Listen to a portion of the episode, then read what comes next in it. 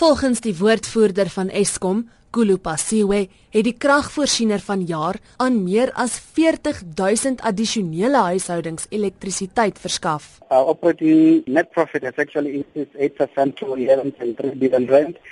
And our EBITDA, which is a measure of profitability, has also shot up uh, 9% to 24.9 billion rand. The worrying thing, though, from our side is that our operating costs still remain very high and especially in relation to the diesel, the, the, the purchasing price of the IPPs. Those have been high. Currently, we have spent just over 41 billion rand for, for on, on those specific items, which is very high. But we'll continue to monitor them going forward. But uh, the encouraging thing, though, is that uh, we have also managed to reduce our costs, especially in relation to some of the things that we buy or used to buy within the company we have managed to reduce our cost by 9.8 billion rand. And then we are basically all of these sectors, we will continue to monitor them going forward. Volgens Pasiwe het Eskom ook gister 'n ooreenkoms met 'n Franse ontwikkelingsagentskap AFD onderteken. This forms part of our effort as a company to raise about 55 billion rand for our capital expenditure for next year.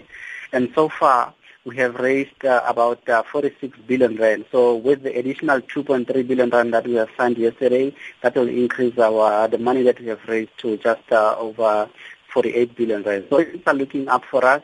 And our liquidity as a company has also improved, meaning that the fact that we are able to, to draw companies or, or development agencies such as this one they are also beginning to see that some hope in terms of rescuing Eskom, which is why they are willing to put their money uh, within, within the company. Phasiwe sê een van Eskom se doelwitte is om beurtkrag in die toekoms te verminder. Our operating capacity has improved, the the performance of our power stations has also improved.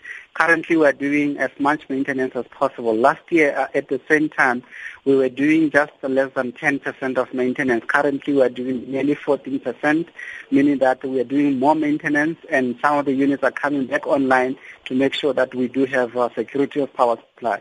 The reason why over the last 107 days we did not have load shedding, partly it is because some of these units have been operating optimally, and uh, we have taken them some offline, others are coming online. Dit was die woordvoerder van Eskom, Kulupasiwe.